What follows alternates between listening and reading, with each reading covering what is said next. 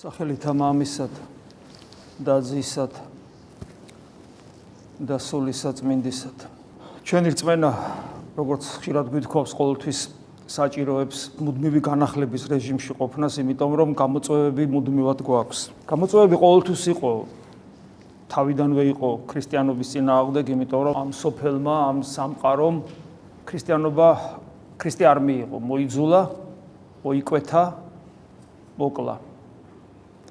და 2000 წელია დევნის ეკლესიას როგორც ქრისტეს მისტიურ სხეულს. ამას აკეთებს შეგნებულად თუ შეუგნებლად ცივი განჯი თუ ინტუიციურად ამას პრინციპული მნიშვნელობა არ აქვს. და ეს დევნა არის მრავალშრიანი პოლიტიკურ დონეზე, სახელმწიფოებრივ დონეზე, ეროვნულ დონეზე, ღირებულებით დონეზე, როცა რაღაც ამქვეყნიური ღირებულ კარგი, კარგი ღირებულებების გამოებწვიან ქრისტიანობას. პიროვნულ დონეზე, ადამიანში შიგნით, ოჯახურ დონეზე, განათლების დონეზე, რელიგიურ დონეზე მინდა გითხრათ. სულ არის ეს ბრძოლა. განსაკუთრებულად საინტერესოა რა თქმა უნდა ის პერიოდი, რომელშიც ჩვენ ვიმყოფებით. ნუ ჩვენთვის არის პირველ რიგში ეს საინტერესო და აა თან დღევანდელი პერიოდი იმით არის განსხვავებული ყველა სხვა პერიოდისაგან, რომელიც სამყაროში ყოფილა, რომ დღეს ყველა ადამიანს აქვს შესაძლებლობა თავისი აზრი გამოთქვას და სხვაზე იმოქმედოს. ესეთი რამე უბრალოდ სამყაროში არ არსებობდა. წარმოედგინეთ სადღაც ახლა სამყაროში რომელიღაც ქალაქში ან რომელიღაც მიყრუებულ სოფელში ვიღაც ადამიანი ცხოვრობს ისე დაიბადებოდა, ისე გაიზრდებოდა, ისე მოკვდებოდა, იმ სოფლის იქით არ გავიდოდა და იმ სოფელში სოფლის სოფლის მაცხოვრებელთა გარდა არავის არ ეცოდინებოდა ეს ადამიანი. და თან თუ მაინდა-მაინც კარგი მოლაპარაკე არ იყო, მისი სოფლის მოქალაქეებსაც კი არ ეცოდინებოდა ეს კაცი რას ფიქრობს, საერთოდ და რა უნდა. მაგრამ დღეს საერთოდ არ აქვს მნიშვნელობა ადამიანის საცხოვრობს.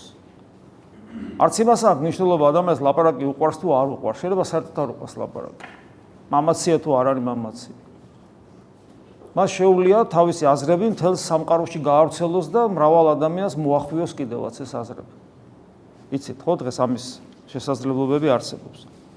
ამიტომ როგორც თქვით, ყველა ადამიანს აქვს სხვაზე ზემოქმედების საშუალება და ყველა ადამიანს აქვს შესაძლებლობა კორექტირება შეიტანოს თითოეული ადამიანის ცნობიერებაში. საერთოდ ადამიანს არ იცნობს, ერთი ადამიანი მეორეს არ იცნობს, დაждდება და ისე მოიწამლება იმის თქვა სიტყვით ან კომენტარით, რომ შეიძლება დეპრესიას დაეწყოს. ამის მაგალითებს მე ვაწყდები ხოლმე, როცა ადამიანები არიან პირდაპირ ამ სიტყვის გაგებით واردებიან დეპრესიაში იმის გამო, რომ ვიღაცამ რაღაცა დაუწერა და არის ხოლმე მთელი დამშვიდების შესაძლებლობებს ვეძებთ რომ აუხსნათ რომ ამას ყურადღება არ უნდა მიაქციოს.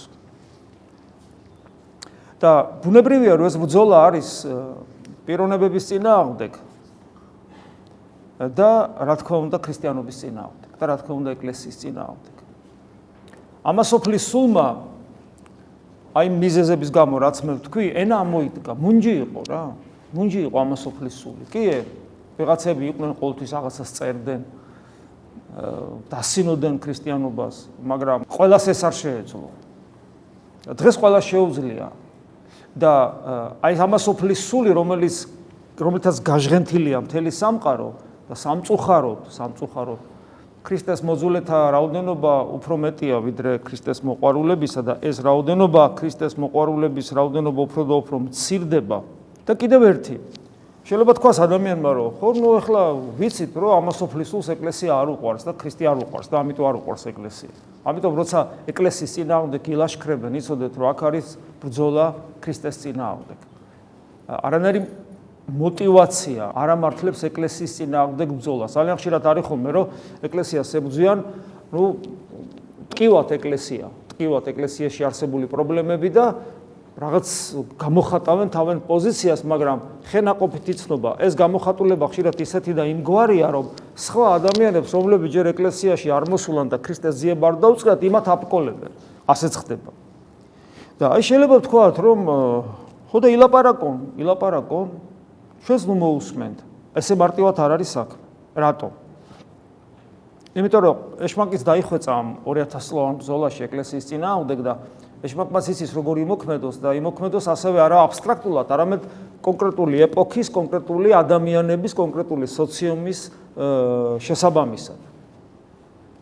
და დღეს ერთ-ერთი ყველაზე მთავარი პრობლემა, რაც ქრისტიანს აქვს, ეს არის კავშირის დანახვა ქრისტესა და ეკლესიას შორის. სხვადასხვა პრობლემები არსებობდა ეკლესიის ისტორიაში. მაგალითად იყო პრობლემა, რომ თქვათ, როგორ არის კაცო ღმერთი ერთი, როცა მამაძე და სულიწმინდა და თუ და როგორ არის ღმერთი ერთი, როცა მამას ღმერთია, ძე ღმერთიც არის და სულიწმინდას ღმერთია. ეგ პრობლემა იყო. იყო პრობლემა, როგორ არის ძე ღმერთი სამყაროს შემოქმედი. ქრისტე როგორ არის სამყაროს შემოქმედი? კაცო 2000 წლის წინ დაიბადა. და რანაირად არის? როგორ არის, რომ იესო ქრისტე ერთი პიროვნებაა? ერთი და არა ორი. ერთი პიროვნება იესო ქრისტე ეს არის ძე ღმერთი. ანუ მას ადამიანური პიროვნება არ აქვს. როგორ ხდება ეს? ადამიანებს უკვირთ. გესმით? ამაში ასაკო. და ასე შემდეგ. უამრავი რა რატომ არის რომ ქრისტეს ორი ნება აქვს? თუ ერთი პიროვნება, ერთი ერთი ნება არ უნდა კონდეს? ხო, ლოგიკა ესეთია. ერთი პიროვნება ყოფილა ქრისტე, არ ვიცოდი, ახლა გავიგე რომ ესე იგი ზეღმერთია და პიროვნება, მაგრამ აი ადამიანური პიროვნება არ არის. დაფასად არის და არსადაც არ არის ადამიანური ხორცი და სული ეკუთვნის ზეღმერთის პიროვნებას ეს ეს ძალიან მნიშვნელოვანია. ადამიანმა ეს თუ არ გააცნობიერა ის ქრისტიანიც არ არის კაცმარო თქოს. რამდენმა იცის ახლა ეს? და თუ ერთი პიროვნება ესე იგი ნებას ერთი ქონია ხო? და არა იესო ქრისტეს ორი ნება. თუ დაიმნა ადამიანი კაცო თუ ერთი პიროვნება, ერთი ერთი ერთი ნება არ უნდა კონდეს, ლოგიკა ესე არ მეუნება და ნახეთ ბიზანტიის იმპერიაში თელი ბიზანტიური ბიზანტიის ღვთისმეტყველები თითქმის 100% მათ შორის იერარქები, უმაღლესი იერარქები, პატრიარქები და ასე შემდეგ. ყველანი ამბობდნენ, რომ იესო ქრისტეს აქვს ერთი ნება. გამოვიდა უბრალო ბერი, დიაკონიც კი არ იყო, მაქსიმი აღსარებელი და თქვა არა. იესო ქრისტეს ორი ნება აქვს. ენა გადაასახლეს, ენა მოკვეთეს, ხელი მოაჭრეს. სამშობლოს ღალატი დააბრალეს. როგორც ხდება ხოლმე რა, ტრადიციულად რაღაცას დააბრალებენ პოლიტიკოს. უბრალო მონაზონს, უბრალო მონაზონს. საქართველოსი გარდაიცვალა ის. ნუ ერთ-ერთი ვერსიით ესია ყოველ შემთხვევაში. და აღმოჩნდა რომ მაქსიმ ახსარებელი მართალია, სულ მალე გაირკვა ეს. სულ მალე გაირკვა. ხა დღეს წარმოგიდგენ და ეს ის დრო არის, ეს ის ბიზანტიის იმპერია, როცა ხალხი მეტნაკლებად ერკვევა. მეოთხე საუკუნეში ვინც ეკლესიის ისტორია იცის. აი ბაზაში რო გახვიდოთ, ეწარმოებთ ხარ რომ მეოთხე საუკუნეში აღმოჩნდეთ და კონსტანტინოპოლის ბაზარში აღმოჩნდეთ, სადაც ბაზარი რა, რასაც რაღაცა პროდუქტებს ყიდიან. გავიგონებდით უცნაურ რაღაცას. თქვა მინდა კარტოფილი კარტოფილი მაშ სად იქნებოდა? ნუ აშლი ვიყიდო. კი ბატონო, აშლი ამდენ იღეს, მაგრამ აი მაინც მითხარი შენ რა გოფიქრობ? ძე ღმერთი ღმერთია თუ არ არის ღმერთი? ვაშლის დამკვიდველი მეუბნება. მე რა წავედი თევზი ვიყიდე. იქ ვაჭრობ თანხა შევთანხმდი და უცებ მეუნება რომ დარწმუნებული ხარ რომ იესო ქრისტე სამყარო შემოქმედია და და ასე შემდეგ. აი ესეთი რაღაცებით ინტერესებოდა ხალხი. ანუ იცოდნენ ეს ადამიანებმა. რაღაცა მსგავსი სხვათაშორის ბერძნულ სამყაროში დღემდეა შენარჩუნებული. ბერძნებმა ძალიან ბევრმა იციან თითქმის ზეპირად ღვთისმსახურების მთელი რიგი ელემენტები. ძალიან ძალიან უყვართ. ნუ მორწმუნე ბერძნებს თავისთავად ცხადია. მოკლედ იმის თქმა მინდა რომ გათვისნობიერებული იყო ხალხი და დღეს რამდენმა იცის ღვთისმეტყველება. და დღეს ბრძოლა ძირითადად არის კიდევ ერთი სწავლებაა, ხო? ეკლესია რა არის? ეკლესია და ქრისტე როგორ უკავშირდება ერთმანეთს? წამს ერთი წმინდა კათოლიკე და სამოციქულო ეკლესია, როცა წამში ვამბობთ, დოგმატია ესეც. აი ყველაზე დიდი ბრძოლა არის ამასთან და ძალიან ადვილად გვატყვილებენ ამასოფლის სული შეპყრობილი ადამიანები, სხვადასხვა ეკლესიის წინააღმდეგ მებრძოლი ადამიანები, ასევე სხვადასხვა სექტის მიმდევრები. ამას ემატება ის, რომ თითოეული ადამიანის ხედვა, გონება და სინდისი ეფუძნება ამ ადამიანისვე სიმართლეს. ჩვენ ხშირად ვამბობთ, რომ თუ სინდისი არ ეფუძნება და არ არის სინდისი არ არის გასწორებული მადლზე, საფრთხო ენერგიაზე. სინდისი არასწორად მუშაობს. ამიტომ რადგან ჩვენ მადლის დეფიციტს სულ განვიცი და ურწმუნო ადამიანებში საერთოდ ეს სერიოზული პრობლემაა რა მადლზეა ლაპარაკი როცა პირდაპირ ქრისტეს ებრძვიან მათი სინდისი მუშაობს მათი ღირებულებების შესაბამისად. სინდისი არის ინსტრუმენტი, რომელიც ეწყობა, აეწყობა ღირებულებაზე. გასმით, აი ამაშია საქმე და ამიტომ ჩემი ხედვა სამყაროსი, ჩემი სიმართლით, ჩემი გონებით, ჩემი სინდისით ხდება. და როდესაც მე გაკრიტიკებ შენ როგორც ქრისტიანს, ან თლიანად ეკლესიას, ან შენს პატრიოტიზმს, რაღაც ღირებულები, როცა შენ გაკრიტიკებ, გაკრიტიკებ ჩემი სინდისის მიხედვით და ჩემი სინდისის მიხედვით ვცდილობ შენი გონების შეცვლას, შენი ორიენტირის შეცვლას, შენი თავისუფლების წართმევასაც ვცდილობ და მე თან ძალიან მდგრადა ვარ ამ მდგრადად მდგრადი ვარ ამ ბრძოლაში შემართებული, იმიტომ რომ მგონია რომ მართალი ვარ, იმიტომ რომ სინდისი არ მამხელს, არ მეუნება რომ ეს იმკაც რებს ეუბნები, რაზე ლაპარაკობ. როდესაც შეიძლება სალანძღავი სიტყვაც იხმარო, რატომ არ არ მეუნება სინდისი რამეს? რატო არ მამხელს? იმიტომ რომ ჩემი სინდისი გასწორებულია ჩემს სოფხედელობაზე, ჩემს ხედვაზე, ჩემს გნებავთ უღმერთობაზე, ჩემს არასწორ ქრისტიანობაზე და ასე შემდეგ. ჩემს ჩემს არაჯანსაღ რელიგიურობაზე.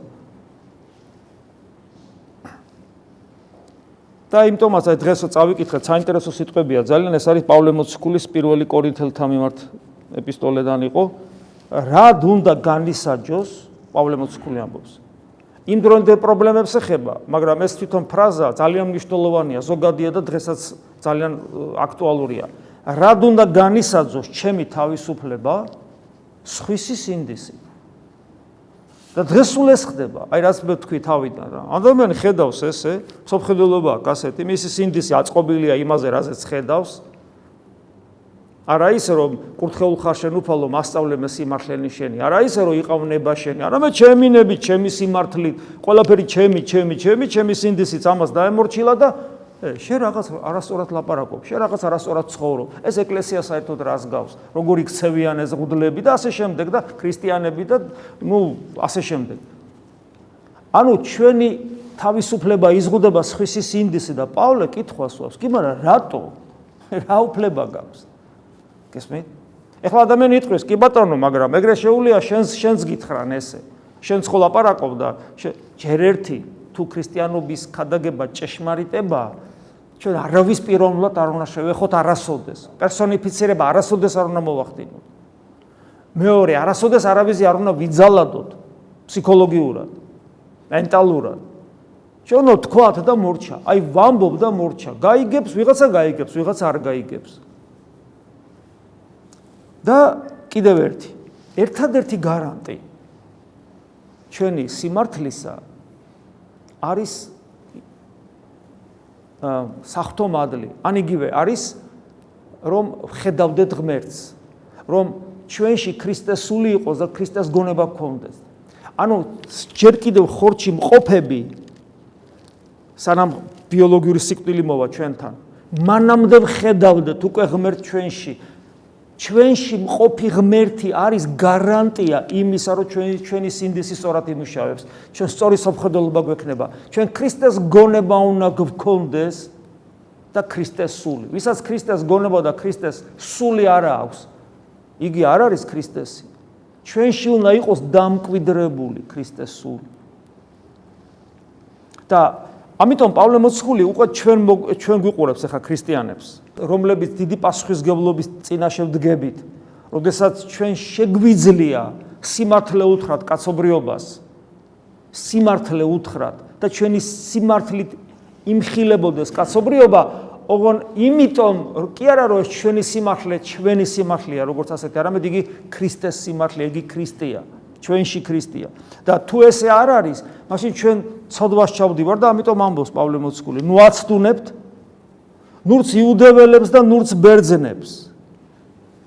იუდეველებში და ბერძნებში სხვადასხვა ტიპის მორწმუნეები გულისხმებიან, იცით თქვენ, კარგად ეს ერთგვარი ტექნიკურ ტერმინად ხმარობს ახლა პავლე მოციქული ისტორიულ რეალობათას და ტექნიკურ ტერმინათას.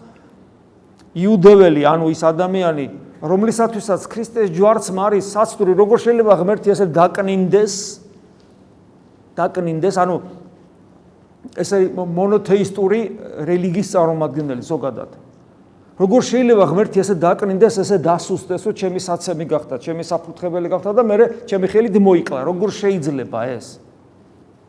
და სხვათა შორის ეს ძლიერი ღმერთის იდეა, ღმერთი კი არის ძლიერი, თავისთავად ცხადია. მაგრამ ღმერთი ჩემთან როგორ მოვიდა? ძალით მოვიდა, არ მოვიდა ძალით. მოვიდა ჯვრით. და მე უნდა დავინახო იგი ჯვრით. ეს ძალიან მნიშვნელოვანია და არა ძალით. მაგრამ მიუხედავად იმისა, რომ ქრისტიანი ვარ და მე მევალება ქრისტე დავინახო ჯვრით, მე მაინც ძლიერი და ღონიერი ღმერთის იდეა მომწონს. იმიტომ ხდებოდა, რომ ქრისტიანული ერები რო აი ქრისტიანი ერი, აი ძალმოსილი თელი სახელმწიფო მანქანა რო ქრისტეს ეკლესიის გვერდზე რო დგას. თითქოს ყველაფერი კარგად არის, კანონმდებლობა ქრისტეს ეკლესიაზე აღებული, ყველაფერი. რა რატომ უნდა დაიღვეს? რატომ დაუშვა ღმერთმა ან საქართველოს მორღოვა, დიდი საქართველოს ვიყავით ბიზანტიის და ასე შემდეგ, რატო უშვებს ღმერთი მორღოვას? იმიტომ რომ ჩდება საცდური ღონიერი ღმერთისა. ღონიერი ღმერთისა. და ეს ეს იმდენად დამღუპელი ადამიანის სულისათვის რომ იწება რღვევა აი ამ რკინის მესერისა. და ადამიანი რჩება ლიტონი რწმენის ამარა ამ უზარმაზარ ოკეანეში რომელსაც ქრისტე ზულს.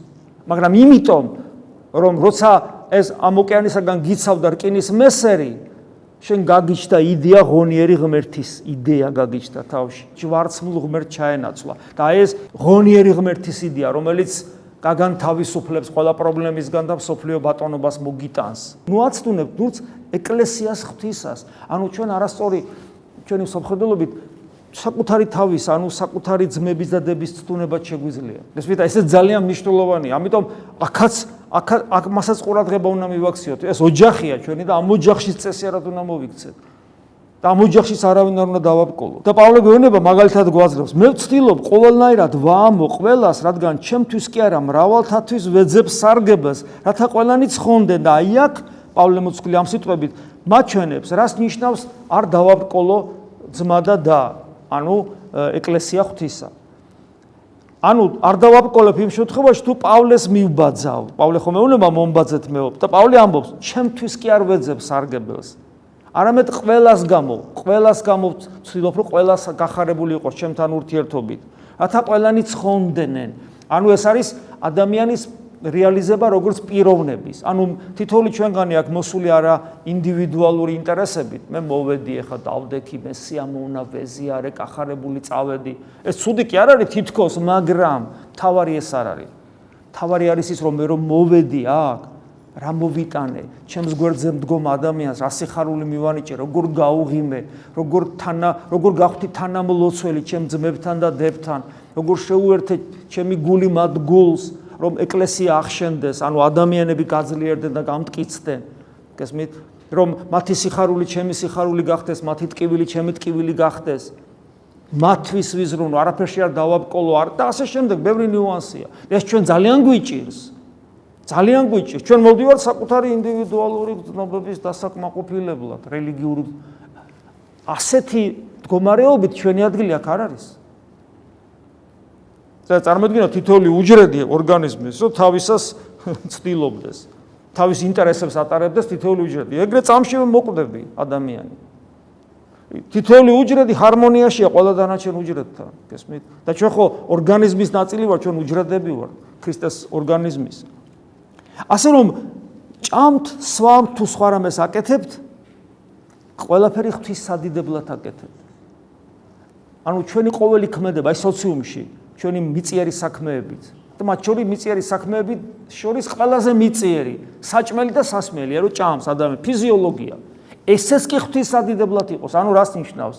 ეკლესია, ჩემი ეკლესიის ორგანული წევრობა, როცა მე ყველაზე უნდა ვიზრუნო და არავინ არ დავაბკოლო, აქ დგომით არც იწება და არც თავდება, არამედ უბრალოდ აქ იწება, რატომაც არ, თუმცა გულში იწება. მაგრამ ამით აქ ყოფნით არ ამთავრდება, რომ გავდივარ.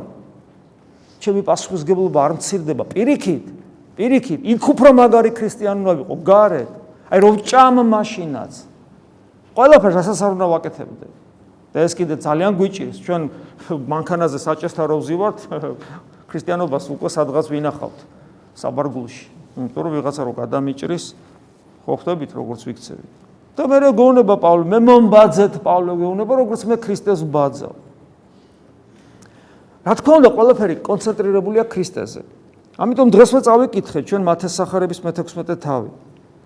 მაშინ ხვა იესო მოწაფეთათვის და რომელსა ნებავს შემოდგომა ჩემ და უარყავ თავითვის აი ეს ისევ ინდივიდუალიზმის წინააღმდეგ. უარყავ გესმით აი ამას ვერსად ვერ გავექცევით ჩვენ არ ქსიამოვნებს ქრისტეს აი ეს სიტყვები ჩვენ რაღაც უგულებელთ ხო უგულებელს ყოფთ ხოლმე რაღაც ესე იმიტომ რომ რაღაც აი ესე კასმარო თქვას ვიპოვით კი ასახარებაში რომ ჩავეძიოთ კარგად აი მართლა რომ ჩავეძიოთ ამის დრო ახლა ხო არა გვაქვს ამის დრო მაგრამ აი ვიპოვოთ სიტყვები რომელიც მე მეამება და მომერგება, მოდი ესე ვთქვა. სახარება შეგეც სიტყვა, მე მგონი ვერ ვიპოვით. თელწმინდა წერილში. აი ნახეთ ასამბლს. რომელსაც ჩემ უნდა რომ მე გამომყვეს, უარყავ თავი თვისი. აქ არის შენი პატიმოყარეობა, შენი სიმართლე, თავის სინდისით, ყველაფრი. აიღე ჯვარი თვისი. არტ კი არ იწუწუნო, ვაი ვუი, არამედ ეს შენი ტკივილები აიღე და შემომი. ხოლოდ ამის მერე შემომიდექი. და მე კიდე უფრო წარეთ ამბობს უკვე თუ ვისმეს უნდა სული ანუ სული ამ შემთხვევაში როგორც ციცოცხლე თავის სულითვისი განრინებად წარიწყმიდოს იგი და რომ მან წარიწყმიდოს თავის ციცოცხლე ჩემთვის მან ხპოვოს იგი. ხო, საშილად არაკომფორტული სიტყვებია თითოეული ჩვენგანისათვის და არაკომფორტულია კარგად თუ დავფიქრდებით, იმიტომ რომ ჩვენ ყველაფერს ვაკეთებთ ამის საწინააღმდეგოდ, რასაც ვაკეთებთ. ყველაფერი ამის საწინააღმდეგოა. მეუბნება პავლე რომ ყველაფერი რასაც აკეთებდეთ, ყველაფერი ღვთის სადიდებლად იქმოდე და ღვთის დიდება კიდე აი ეს არის და მე კიდე ყველაფერს ამის საწინააღმდეგოდ ვაკეთებ. გესმით რა შეასაკო? ხო და აი ამიტომ წმინდა წერილი აი ეს არის და მე ხანდახან ვფიქრობ ხოლმე რომ მორჩება წირვა ვფიქრობ რომ რაღაცა მკაცრად ხوار გამომდის საუბარი, სულ რაღაცა მამხილებელი საუბარია, სულ რაღაცა არ მოგწონს, მე ჩემ თავსაც ველაპარაკებ, მარტო თქვენ კი არა. რაღაცა არ მოგწონს, ვამბობ რატო ესე და მე რა ფიქრობ რომ კი მაგრამ მე ხო აქედან მკითხულობ, უარ ვიგონებ რამეს. მე გადაშლი გადაშლი, სხვა სიტყვები არ წერია და კი წერია ღმერთის სიყვარულია, ეგ წერია, როგორ არა. მაგრამ რა არის სიყვარული? რა არის? მე მაგას თავის განმარტებები აქვს, ეს ახალი მცნებაა, გესმით?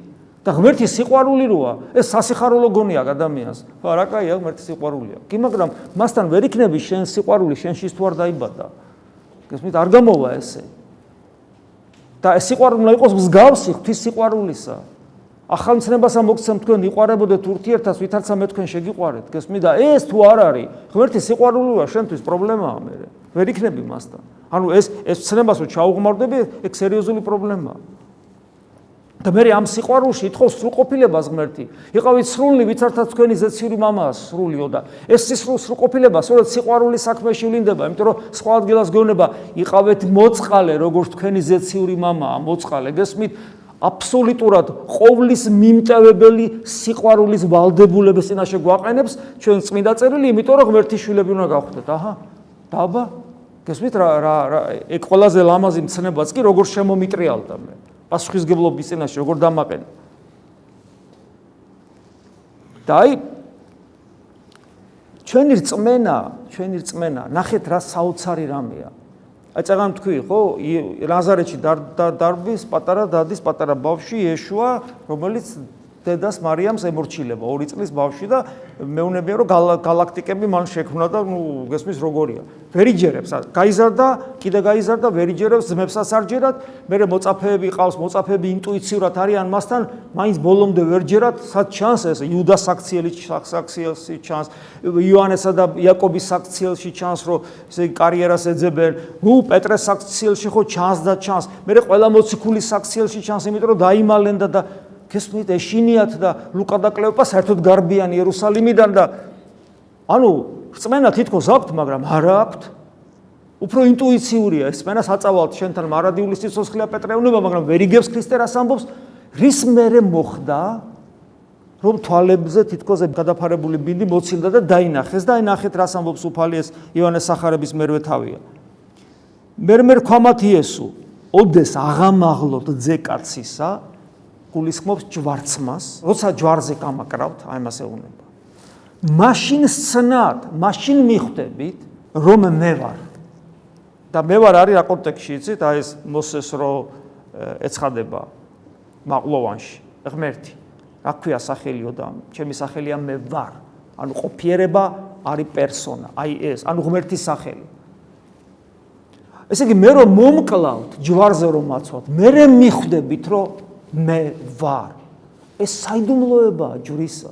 გესმით, საიდუმლოება. ანუ ჩვენ ვართ უდიდესი საიდუმლოების წინაშე დგავართ, რომ ესე იგი ქრისტეს ღმერთობას ჩვენ ხვდებით. ამაზე შეიძლება არ გვიფიქრია, მაგრამ უნდა იფიქროთ, ჩვენი ინტუიცია, ადამიანის ინტუიცია მუშაობს თურმე ესე. ადამიანი ხო ღვთის ხატი და მსგავსია. ადამიანი ხო ყველა ადამიანი ხო ადამში იყო. და ადამ ადამი ადამიდან მოყოლებული რაღაც გენეტიკური მეხსიერება გვაქვს, რაღაც უცნაური, რომელიც შეძრწუნდა მაშინ როდესაც ღმერთი მოვიდა ადამიანად და ის ჯვარზე მოკვდა. აი მე მიხვდა ყველაფერს. ბოლომდე ვერ ხვდებოდა ადამიანი. რა ხდება? რა ხდება საერთოდ? სადვეძებო ღმერთი. ბოლომდე რაღაცა თვით წმინდა წმინდანები ა ブラ ამი და უდიდესი ადამიანები რაღაცა ცხოველებს წირავენ და აღარ იციან რა ქნა როგორ რა ამონ როგორ მოიგონ ღმერთის გული რა გააკეთონ. გესმის თავი დავით მეფსალმუნე ტკივილიანის ძიებით ეძებს ღმერთს მაგრამ არ იცის რა ქნას. მოვიდა?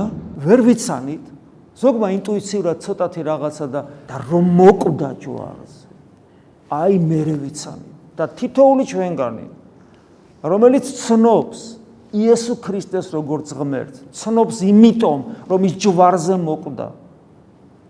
ეს არის საიდუმლოება. არა მარტო ღმერთისა არა მარტო ღმერთის მიერ ადამიანის გამოხსნისა არამედ ეს არის საიდუმლოება ადამიანისა. ეს არის საიდუმლოება ადამიანის ღმერთთან კავშირისა ეს არის საიდუმლოება ადამიანის როგორც პოტენციური ღმერთის შვილობისა.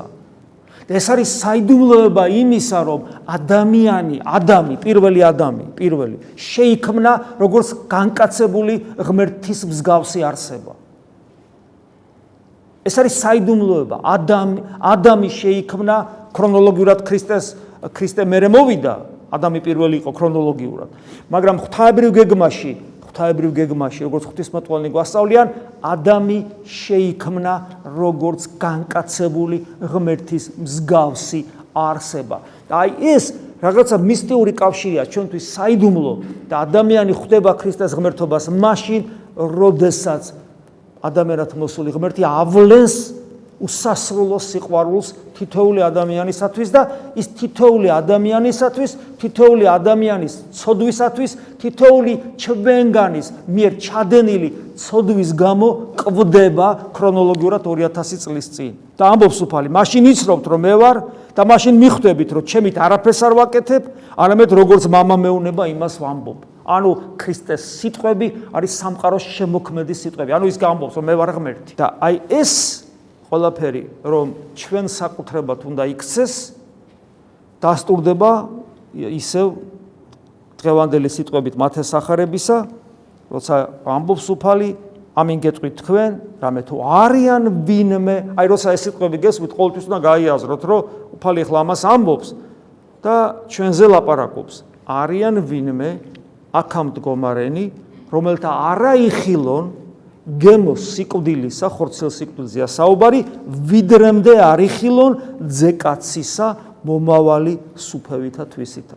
ანუ ყოველთვის ეკლესიაში არიან ადამიანები რომლებიც არ გარდაიცვლებიან მანამ სანამ შინაგანი ხედვა არ ექნება ღმერთისა. და სიმონ ახალი ღვთისმეტყველი ამბობს რომ მხოლოდ ის არის ნამდვილი ქრისტიანი ვისაც გულისმიერი ხედვა ღმერთის ამიტომ ყველაფერი უნდა გავაკეთოთ იმისათვის რომ ჩვენთვის უფლის სახელის აღმოთქვა, ამოხრა შეიძლება ასე ითქვას, ტკივილიანი აღმოსვლა, ანუ ლოცვა.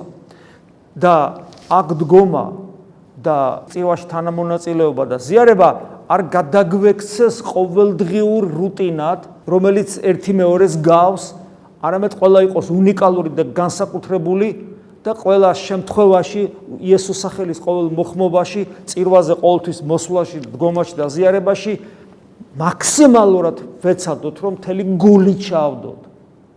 ვინიცის, ვინიცის ეს ბოლო წირვა, ვინიცის ეს ბოლო იესოს სახელის აღმოთქმა. ოდესღაც იქნება ერთი იესოს სახელი, რომელსაც ბოლოს აღმოთქვავთ, ოდესღაც იქნება ერთხელ წირვა, რომელიც ჩვენთვის ბოლო იქნება. ამიტომ ჩვენ უნდა ვიყოთ მზად ყოველთვის ამისათვის, რომ ეგების გარდაცვალებამდე კონდეს გულისმიერი ხილვა განკაცებული, პრეთეთ აღდგარი, კანდიდებული მაცხოვრისა. ამინ. მადლი უფლისა ჩვენისა იესო ქრისტესი და სიყვარული ღვთისა და მამისა და ზიარება სულისა წმინდისა იყოს თქვენ ყოველთა თანა. ამინ.